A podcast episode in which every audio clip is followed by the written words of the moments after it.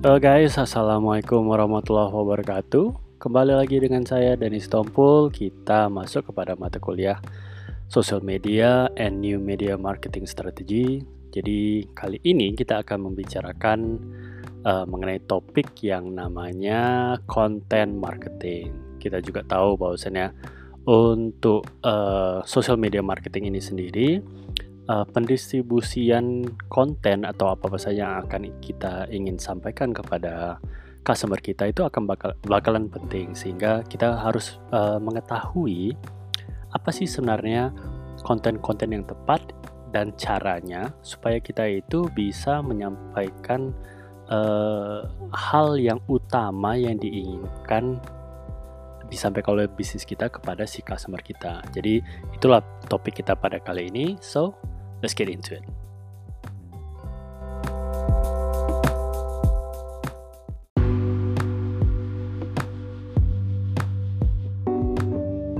Oke, jadi seperti biasa kita bakalan mengawali dulu sebenarnya uh, apa-apa saja sih yang bakalan menjadi learning objectives kita. Jadi bakalan ada tiga hal yang utama yang bakal kita coba pelajari di uh, podcast kali ini. Yang pertama adalah bagaimana sih sebenarnya mengembangkan brand dengan konten-konten yang uh, akan kita distribusikan kepada si customer kita.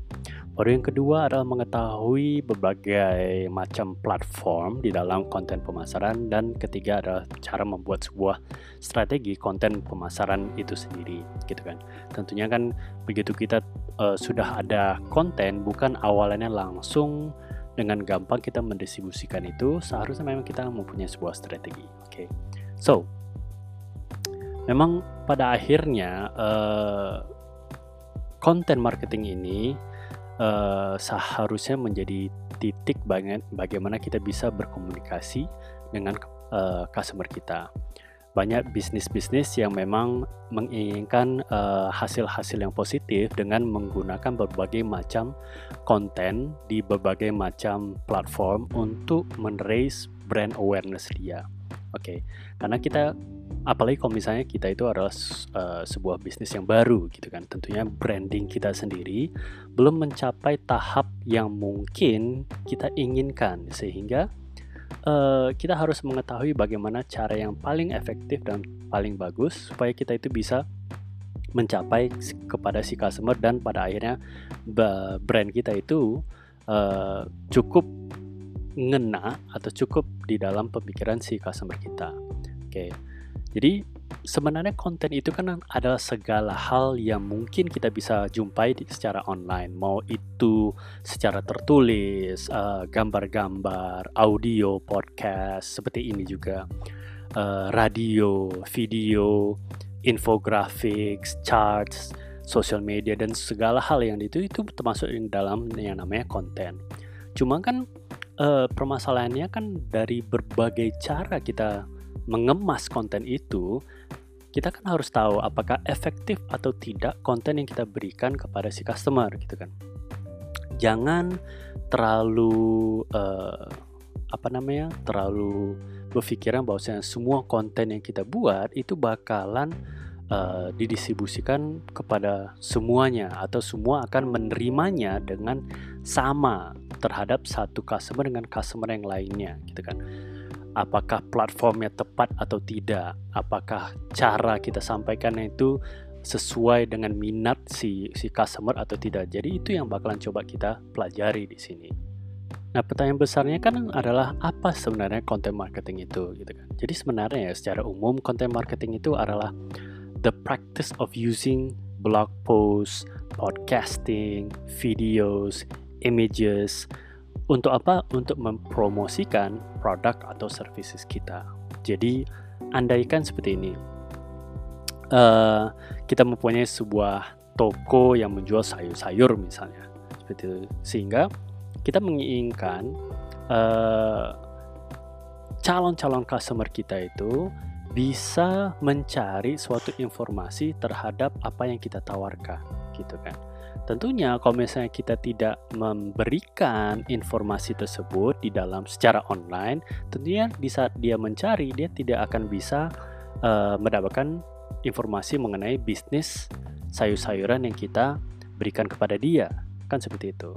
Sehingga kita perlu menciptakan konten. Nah, uh, sempurnanya adalah di saat uh, seorang calon customer mengetik di dalam search bar sayur sehat. Yang keluar itu langsung adalah uh, konten yang kita sudah uh, berikan di secara online itu. Itulah definisi daripada uh, content marketing itu sendiri. Saat kita ingin uh, informasi yang kita berikan itu dicari oleh si customer dan memang sesuai informasi yang diinginkan si customer itu sendiri. Enaknya di zaman sekarang dengan adanya internet itu sendiri itu sebenarnya memudahkan si pebisnis misalnya tadi kayak uh, bisnis kita adalah di dalam uh, memarketing atau uh, sayur-sayuran itu sendiri uh, banyak sekali tools yang bisa kita gunakan untuk mempromosikan brand atau bisnis kita ke dalam internet itu sendiri. Oke, jadi nggak nggak susah kita untuk mendistribusikan itu. Plus satu lagi enaknya itu terkadang dia bisa betul-betul inexpensive, tidak mahal saat kita lakukannya. Tinggal bagaimana kita memancing kreativitas kita dalam hal menciptakan konten yang menarik dan tepat terhadap kebutuhan si customer kita. Nah, untuk itu juga kita harus mengetahui juga untuk apa sih uh, content marketing ini gitu kan. Kenapa kita harus fokus terhadap content marketing ini gitu kan. Tentunya kan ada dua hal yang utama sebenarnya kenapa content marketing ini bisa membantu bisnis kita itu uh, ke tahap yang selanjutnya. Oke. Okay. Yang pertama adalah drive traffic and sales itu sendiri. Oke. Okay Konten-konten yang relevan akan membantu setiap bisnis kita untuk mendapatkan suatu ranking yang baik di dalam search engine gitu kan. Kan kita tahu kalau misalnya kalian sendiri kalau ingin mengetahui sesuatu yang kalian uh, kurang paham, pasti kalian akan ke Google dan mengetik kata-kata kunci. Nah, habis itu bakalan ada daftar-daftar daripada uh, hasil daripada search results itu sendiri. Nah, tentunya kita ingin uh, bisnis kita di saat uh, customer kita mencari adalah di dalam 10 besar itu atau di halaman pertama itu. Nah, jika konten marketing ini kita ini bisa di, uh, dilakukan dengan benar, seharusnya bisnis kita itu bisa tertera di paling atas itu. Dan itu akan menggampangkan orang mencari atau mengklik uh, bisnis kita. Bayangkan pasti kalian sendiri kalau di halaman kedua di dalam suatu Google search pasti kalian akan ma malas. Kalian ingin uh, mendapatkan informasi secepatnya, jadi di saat kalian ngetik sesuatu di Google, halaman pertama itulah akan menjadi fokus kalian. Nah, yang kedua adalah uh, kita menciptakan suatu cara-cara yang baru dalam berkoneksi kepada customer kita, membuild suatu komunitas dan pada akhirnya itu menciptakan suatu area expertise atau keahlian di dalam bisnis kita itu sendiri. Dari situ kita mendapatkan suatu brand recognition yang jauh lebih besar dan lebih bagus gitu. Konten-konten yang bagus biasanya akan selalu jadi perhatian si customer kita. Customer kita akan selalu mencari-cari lagi kapan kita posting, kapan ada konten-konten baru, kapan ada suatu postingan yang bakalan uh, membuat dia tuh tertarik terhadap apa yang kita tawarkan.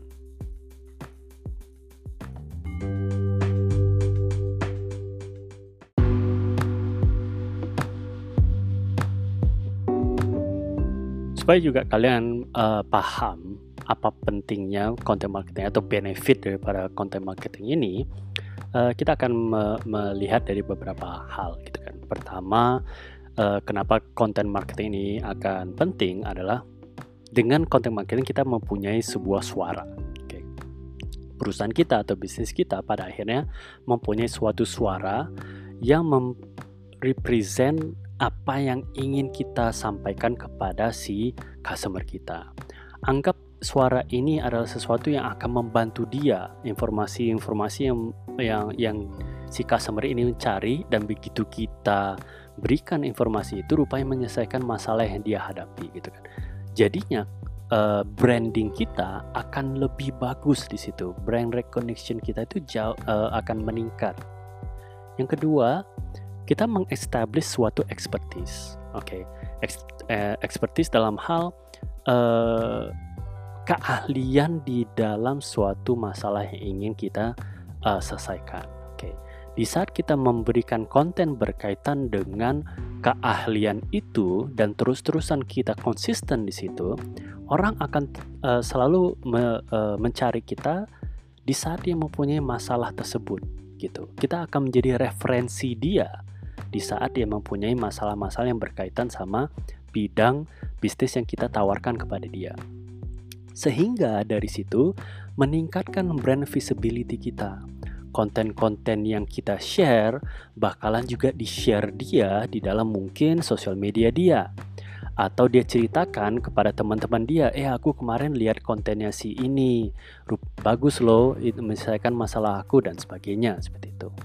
Sehingga hal yang lain akan berkaitan dari membuat lo, uh, bisnis kita itu berkembang da, bukan dari secara lokal saja tapi bisa menjadi global gitu.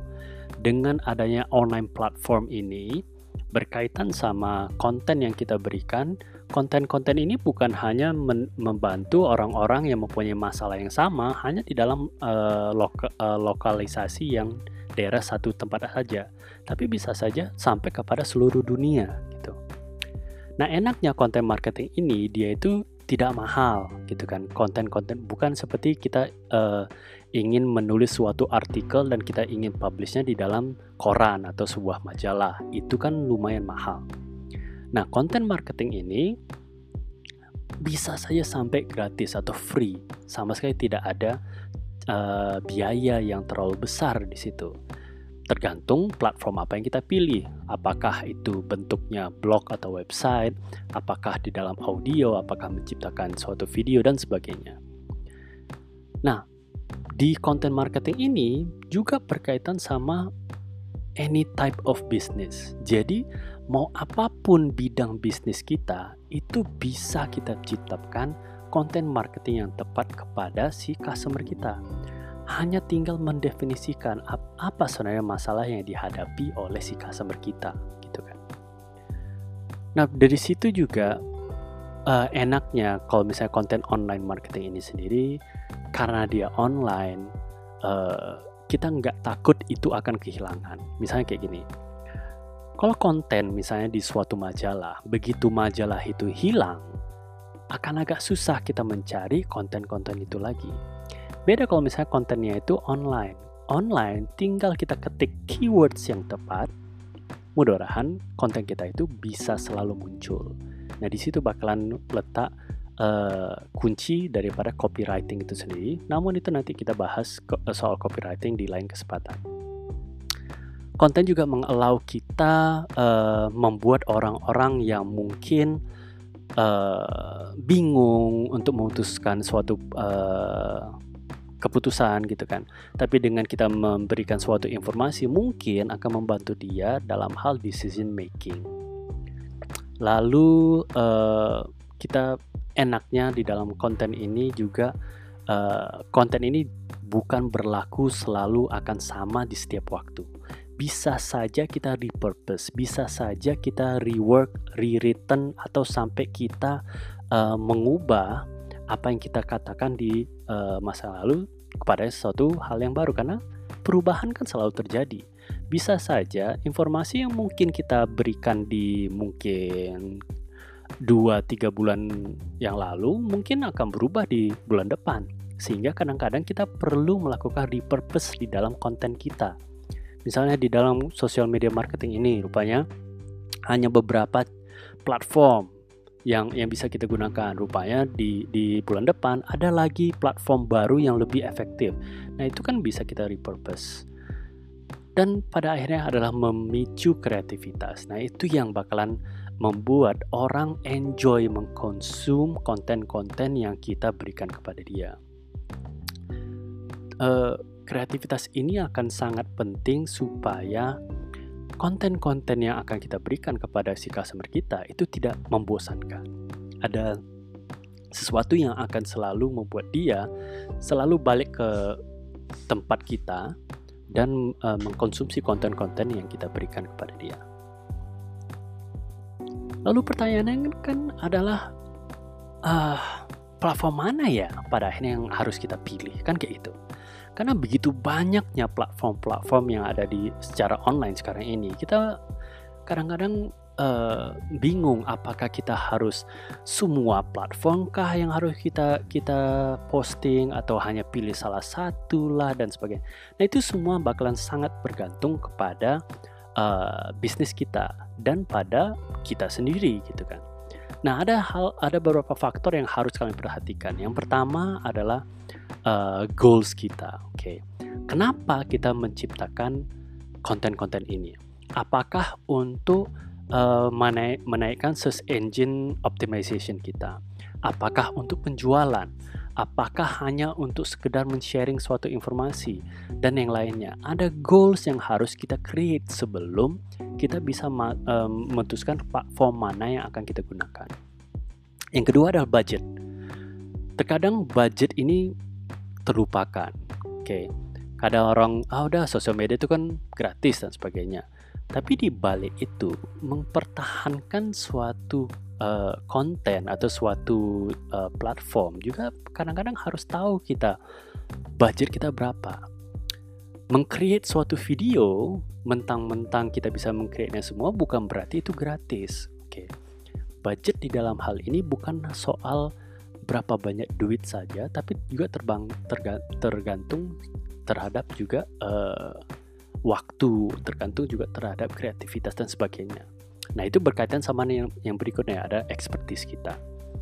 Jadi seharusnya ya konten yang akan kita ciptakan untuk si customer kita adalah yang menggambarkan ekspertisnya kita, keahliannya kita yang berhubungan dengan bidang bisnis yang kita berikan. Gitu. Jangan istilahnya sotoy memberikan suatu informasi yang sama sekali kita nggak ngerti. Kita akan kelihatan konyol. Dan belum lagi rupanya kalau misalnya kontennya itu salah kita berikan atau informasi yang salah kita berikan. Padahal itu bukan sesuatu yang menjadi suatu keahlian kita. Justru nanti bakalan membuat brand kita menurun. Ada suatu misinformasi atau miskonsepsi di situ sehingga branding kita itu menurun. Oke, itu itu harus hati-hati. Lalu yang harus kita perhatikan juga yang lain ada talentanya. Siapa sih yang menulis? Siapa yang buat copywritingnya? Siapa yang memotret? Siapa yang buat video? Siapa orang yang uh, membuat audionya? Uh, te secara teknikalnya siap nggak kita dan sebagainya. Dan pada akhirnya adalah demografik yang harus kita perhatikan. Faktor lain adalah demografik. Kenapa? Nah, setiap umur, setiap uh, segmentasi, setiap komunitas bakalan mengkonsumsi suatu informasi berbeda-beda. Sehingga seharusnya di saat kita sudah memilih demografi yang mana yang akan kita uh, sebarkan informasi konten itu, konten itu kita customize sedemikian rupa supaya memang cocok kepada si customer. Contoh seperti ini. Kalau misalnya kita sudah jelas uh, customer kita demografiknya adalah orang-orang Sumatera Utara. Oke. Lalu rupanya konten di dalam konten yang kita berikan kita banyak menggunakan bahasa misalnya bahasa Jawa atau bahasa Jakarta dan sebagainya. Tentu itu akan tidak tepat karena dia tidak cocok dengan customer segmen demografiknya itu sendiri. Nah, itu kita harus hati-hati gitu. Nah, itu.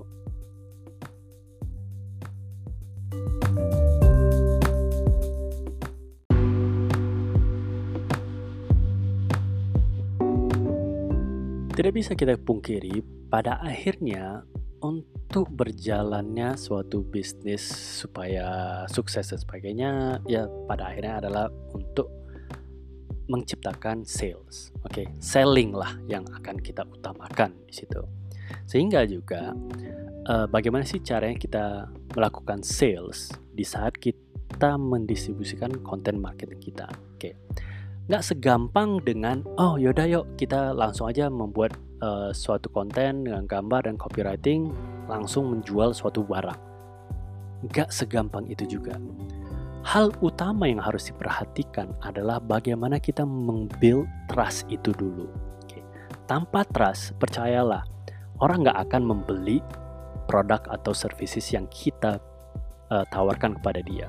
Oke. Okay. Hal utama yang harus kita perhatikan adalah bagaimana kita membuild trust itu.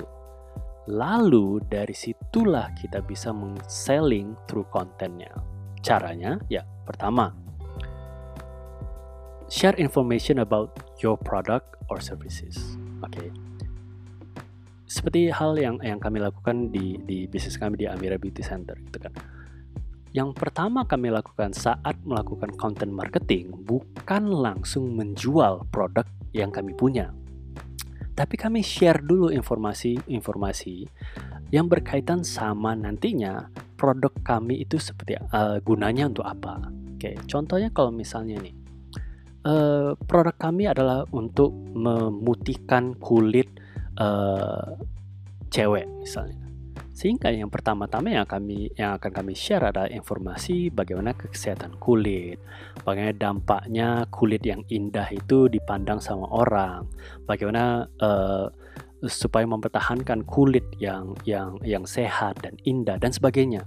Sehingga akan berkaitan sama produk atau services yang akan kita tawarkan kepada dia. Dan di situ bakalan kita berkaitan sama yang nomor dua. Di saat orang atau customer kita uh, bertanya terhadap yang berkaitan sama produk atau services kita. Jangan dicuekin gitu kan. Kalau misalnya kita ingin engagement kita tuh tinggi, kita perlu engage kepada si customer. Pertanyaan-pertanyaan dia jawab uh, sesederhana apa pun itu mesti kita jawab. Sehingga orang-orang teras merasa atau customer kita merasa kita memang perhatian terhadap mereka. Oke. Okay. Lalu kita uh, hal lain yang, yang perlu kita lakukan adalah create links yang bakalan berkaitan sama produk atau services kita. Misalnya eh, artikel-artikel yang penting. Kalau misalnya kayak tadi yang berkaitan sama kulit sehat dan atau kulit putih gitu kan. Kita linkkan artikel-artikel atau jurnal-jurnal yang mungkin berkaitan sama produk atau services itu gitu. Baru bisa kita offer free content uh, untuk exchange misalnya email dia, oke, okay, atau dia registrasi kepada kita dan sebagainya. Ini yang laku, yang di, sering dilakukan oleh freemium, maksudnya uh, apa bisnis-bisnis yang freemium, misalnya kayak Spotify dan sebagainya. Free pertama kontennya, gitu kan. Lalu uh, kita harus juga memahami permasalahan-permasalahan yang dihadapi oleh si customer itu sendiri di saat konten kita me, me, menjelaskan atau me, menceritakan soal permasalahan-permasalahan itu dan pada akhirnya dibaca oleh si customer dan dia mengena, oh ya aku mengalami hal tersebut. Nah itu akan membuat orang selalu membaca konten kita atau kembali ke tempat kita untuk membaca, melihat, dan mendengarkan konten-konten kita. Itu yang akan me membuat cerita di dalam brand kita ini sendiri. Oke. Okay. Pada akhirnya, open lines of communications. Tentunya pada akhirnya si customer kita akan ingin berkomunikasi kepada kita. Jangan hanya satu line of communications. Oke, okay? kasih beberapa pilihan. Itulah call of call to action. Di saat dia bisa menghubungi kita apakah melalui telepon, melalui WA, sosial media, uh, email dan sebagainya. Kasih pilihan-pilihan itu sehingga mereka tahu oke okay, aku bisa menghubungi kita dengan cara ini ini ini dan ini.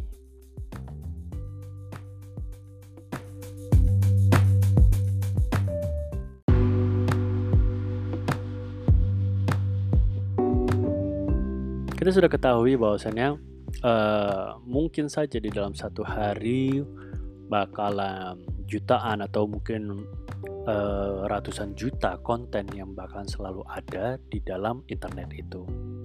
Baik di dalam uh, media platform apa pun gitu kan. Nah permasalahannya gimana caranya konten kita itu bisa muncul secara signifikan kepada customer yang kita inginkan jadi apa-apa saja yang harus kita perhatikan supaya mengcreate suatu konten-konten yang memang ingin uh, supaya uh, customer kita bisa respon langsung terhadap uh, konten yang kita berikan itu gitu kan. Yang pertama konten kita itu harus mempunyai suatu tujuan atau purpose gitu kan.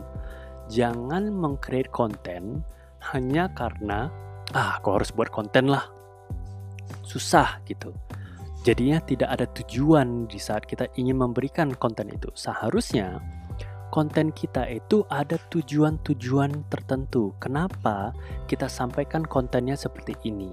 Oke. Okay. sehingga orang bakalan bisa connect terhadap apa yang kita sampaikan. Lalu seharusnya konten kita itu seharusnya memberikan sebuah value gitu kan. Apakah membuat orang itu ketawa, apakah membuat orang itu senang, apakah uh, membuat orang itu belajar sesuatu atau masalah yang dia hadapi jadinya uh, terselesaikan, menjadi lebih sehat dan sebagainya. Itu harus ada. Kenapa konten itu ada kita berikan kepada dia? Create value. Oke, okay? memberikan suatu nilai tambah tertentu gitu. Jadi jangan mengcreate konten yang sama sekali nggak ada tujuannya gitu. Lalu uh, konten kita seharusnya me menjawab pertanyaan pertanyaan-pertanyaan yang ada uh, di benaknya si customer kita. Karena kan selain pertanyaan, permasalahan-permasalahan selalu ada di benaknya si customer-customer uh, kita. Nah seharusnya nih konten-konten kita itu bisa langsung memberikan jawaban atas pertanyaan-pertanyaan tersebut gitu. Lalu be unique gitu kan. Jangan ngikutin gayanya orang lain atau gayanya suatu bisnis yang lain. Seharusnya kalian mempunyai suatu ciri khas-ciri khas gitu. Seharusnya kalian bisa memilih suatu niche market. Seharusnya kalian bisa memberikan perspektif yang berbeda mungkin terhadap suatu permasalahan yang sama sehingga orang tertarik mengkonsumsi konten kita. Oke. Belum lagi kalau misalnya dia itu bisa betul-betul relate terhadap apa yang kita berikan, konten yang kita berikan. Oh ya benar. Aku selama ini uh, susah untuk mengatur waktu. Seharusnya yang aku lakukan adalah gini gini gini. Solusinya kita berikan di dalam konten dan sebagainya. Bisa kita relate gitu. Lalu konten kita seharusnya bisa visual, bukan hanya soal foto atau image yang ingin kita berikan kepada dia, tapi juga tata tulisan kita. Jangan terlalu misalnya kalau kita uh, ingin berikan suatu konten uh, apa fontnya itu terlalu kecil atau sama sekali tidak bisa dibaca gitu. Lalu variasi gitu, itu bakalan sangat penting jangan yang kita berikan setiap konten hal yang sama, caranya sama, atau warnanya yang sama, waktunya selalu sama. Oke, terkadang ada baiknya kadang-kadang kita switch it up sedikit-sedikit gitu. Jangan selalu gitu-gitu terus, gitu. Harus ada variasi. Be entertaining, gitu.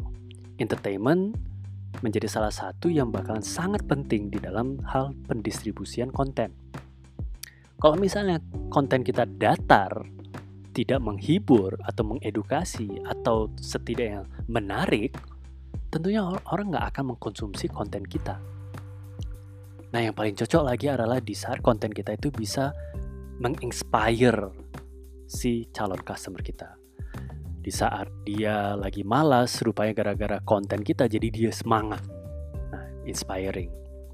Bisa scannable, scannable di dalam arti kata mungkin kalau misalnya dia ingin ke mana-mana, dia ingin membawa konten kita, dia bisa ngeprintnya, bukan hanya bisa diakses lewat web dan sebagainya. Sehingga dia bisa menceritakannya kepada orang-orang yang lainnya nanti di tempat-tempat yang berbeda-beda gitu.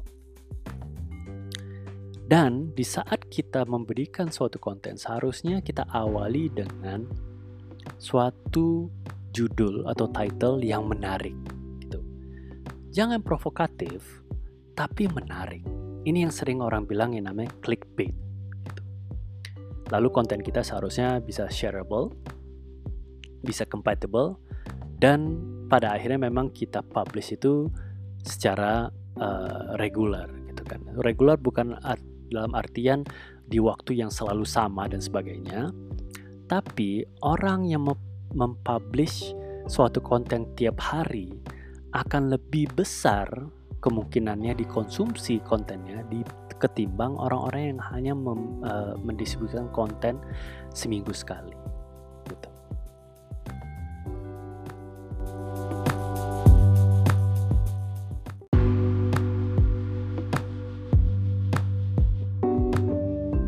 Oke, jadi berikutnya adalah mengetahui uh, platform-platform apa saja sih dalam hal mendistribusikan konten. Oke, jadi kita awali dengan yang namanya blog, gitu kan.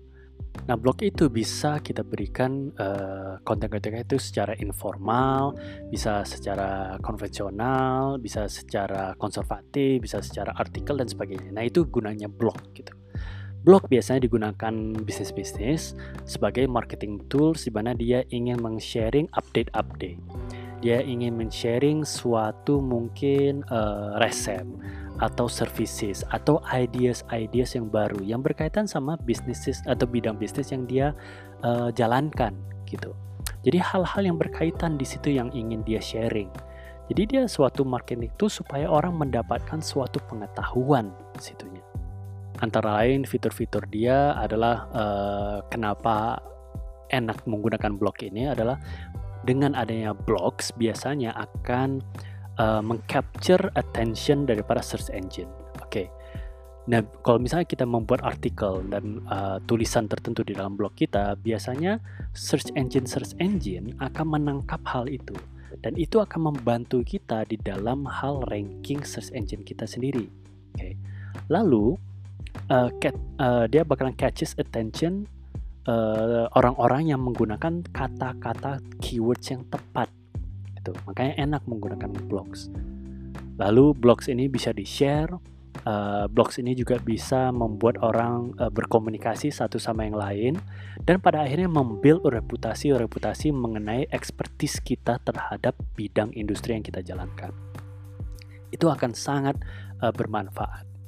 Sehingga pada akhirnya akan membuat kita seba, uh, sebagai acuan acuan terhadap masalah-masalah di bidang-bidang uh, bidang industri tersebut misalnya belum lagi membuat blog satu tulisan itu itu tidak mahal dan bisa mengupdate kepada ribuan orang sekaligus gitu. Jadi nggak perlu hanya satu dua orang, tapi bisa sampai kepada ribuan, justru pun bisa sampai jutaan, tergantung pada komunitas yang kita uh, berikan.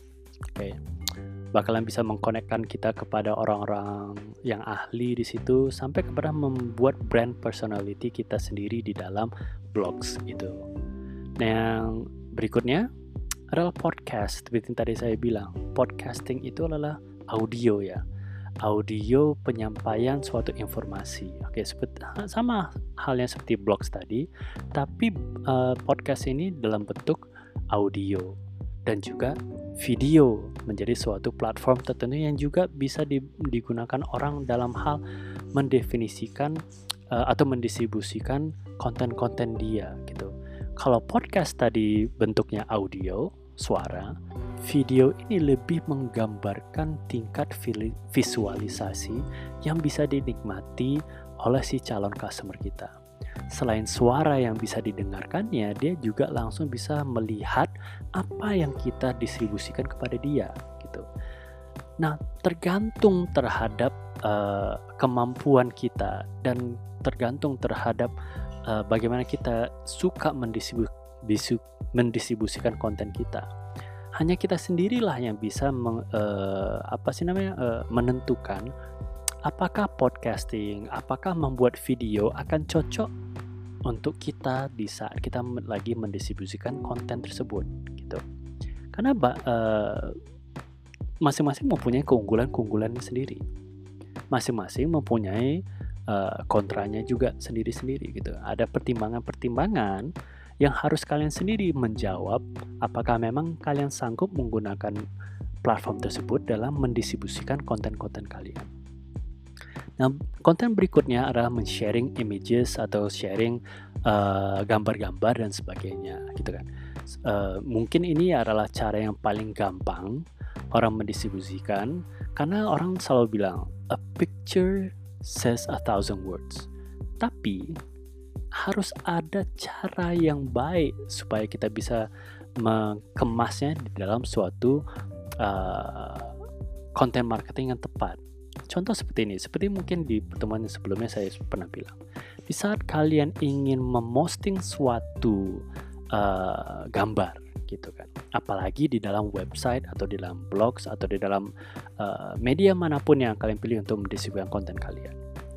Jangan uh, jangan lupa untuk men-rename images itu sendiri gitu. Karena ingat, keywords akan sangat penting dan keywords akan selalu dibaca oleh suatu search engine, baik itu tulisan maupun images atau gambar-gambar. Dan yang terakhir adalah uh, soal social media, platform terakhir. Tentunya kalian sudah tahu social media ini sendiri. Oke, okay. Ada beberapa hal kenapa harus kita pilih social media karena social media itu bisa menciptakan uh, search engine optimization yang sangat baik gitu, sangat bagus malahan. Terus uh, kemungkinan besar juga customer kalian atau potensial customer kalian sudah berada di dalam social network itu gitu. Sosial media juga bisa membantu kita melihat konten-konten orang yang lain atau uh, calon customer kita dia sukanya lihat konten yang seperti apa. Misalnya seperti itu. Sosial media juga cara yang uh, paling gampang mengupdate kepada customer kita, kepada komunitas kita Selain dia itu affordable, dia itu sangat gampang digunakan. Tergantung, tergantung nih platform mana sih yang kita pilih berdasarkan customer yang kita ingin tuju. Oke, makanya seharusnya di saat kita memilih, kita harus tahu dulu di mana si customer kita. Dalam artian, sosial media mana sih sebenarnya yang, yang lebih banyak dia pakai. Lalu komputer kita. Komputer kita itu menggunakan platform yang mana? Atau justru yang mana tidak dia gunakan? Bisa saja platform-platform yang tidak digunakannya bisa menjadi uh, tempat kalian mendistribusikan konten secara lebih bagus gitu. Lalu pada akhirnya kita harus mengetahui kita ahlinya atau kita ekspertisnya itu di dalam med sosial media yang mana. Oke.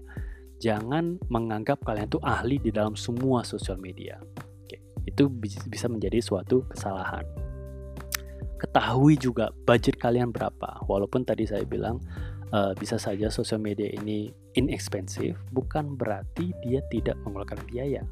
Oke, makanya harus tahu budget kalian itu berapa. Dan pada akhirnya, jenis konten seperti apa sih yang ingin kalian distribusikan? sehingga kalian tahu pada akhirnya itu harus uh, mendistribusikannya itu seperti apa. Nah, terakhirnya adalah uh, bagaimana kita membuat suatu konten marketing strategi. Oke, okay. tentunya uh, yang hal pertama adalah apa sih goals daripada konten marketing kita? Oke, okay. apakah untuk drive traffic? Oke, okay apakah untuk making sales, build brand recognition, expertise, atau sampai yang lain-lain. Okay. Kita akan memahami dua uh, empat hal yang yang paling utama. Yang pertama yang biasanya yang paling umum adalah mendrive traffic. Bagaimana kita ingin uh, si si customer di saat dia melihat konten kita pada akhirnya itu me, kepada sales kita nanti atau meng-sign up atau mengregistrasi atau meng-subscribe. Oke. Kita mau drive-nya kepada yang mana? Itu harus kita, bisa kita tentukan. Tentunya pada akhirnya adalah untuk membuat suatu sales gitu kan. Sales di mana uh, akan menaikkan profit kita. Harus kita tentukan mana sih objektif yang yang yang kita inginkan. Atau apa kita ingin memang mengestablish expertise. Kita ingin menunjukkan bahwasannya kita memang ahli di dalam bidang tersebut. Sehingga kita menjadi acuan si customer dalam hal ingin eh, melihat uh, atau me menyelesaikan masalah yang dia hadapi. Oke, jadi itu ada beberapa hal yang bakalan harus kalian perhatikan di dalam content marketing. Tentunya saya udah yakin bahwasanya kalian sudah pandai di dalam hal mendistribusikan konten marketing kalian masing-masing. Semoga uh, apa yang saya berikan di dalam podcast kali ini bisa bermanfaat. Uh, sampai ketemu di lain kesempatan. Terima kasih. Assalamualaikum warahmatullahi wabarakatuh.